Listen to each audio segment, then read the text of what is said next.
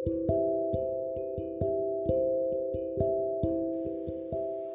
semua, selamat malam. Selamat datang di acara berita seputar smartphone. Dengan saya, Husen Kodri yang siap menemani Anda dalam beberapa menit ke depan. Pada tanggal 20 Oktober 2020, CEO Apple Tim Cook mempersembahkan produk terbaru Apple yaitu iPhone 12 mini, iPhone 12, iPhone 12 Pro, dan iPhone 12 Pro Max dalam unggahannya di Twitter.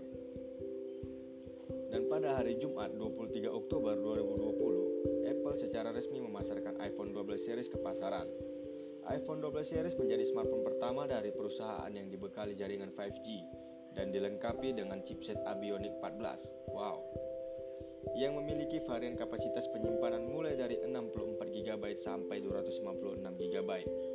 Namun, para Apple fanboy sedikit kecewa dengan dikarenakan pihak Apple tidak menghadirkan kepala charger dan AirPod di dalam dashbox iPhone 12 series. Ini sedikit berbeda dengan seri sebelumnya yang menghadirkan secara lengkap dan komplit, dan hal tersebut bukanlah tanpa alasan. Ini merupakan upaya kami untuk menjaga lingkungan.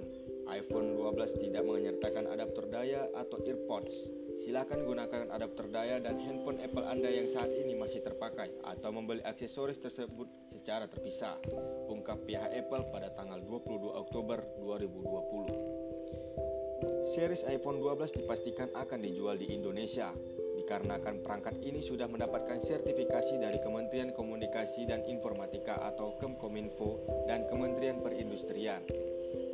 Ada tiga perusahaan yang menjual smartphone iPhone 12 series ini di Indonesia, yakni PT Apple Indonesia, PT Era Jaya Swasembada Tbk, dan Maple Adi Perkasa.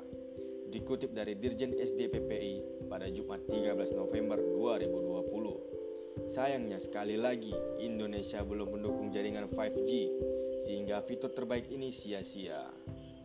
Demikianlah berita yang dapat saya sampaikan kepada Anda. Selamat malam dan selamat beristirahat.